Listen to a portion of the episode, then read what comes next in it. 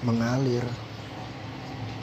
Jika niatan yang baik karena Allah sudah terpasang, doa terbaik sudah terlaksana, ikhtiar maksimal terus dijaga, maka sudah saatnya membiarkan ia mengalir, menyaksikan kehendak Rob semesta alam. Menuai panen tak selalu sesuai harap dan tepat waktunya. Terkadang mengukir senyum juga tak jarang membuat murung. Terkadang jawabannya terbaca, terkadang tak diduga-duga. Yang harus disadari bahwa hasil tak melulu hanya bentuk jawaban dari doa. Terkadang ia datang juga sebagai pertanyaan baru yang butuh pembuktian. Pembuktian dari baris-baris janji yang tersilap dalam doa.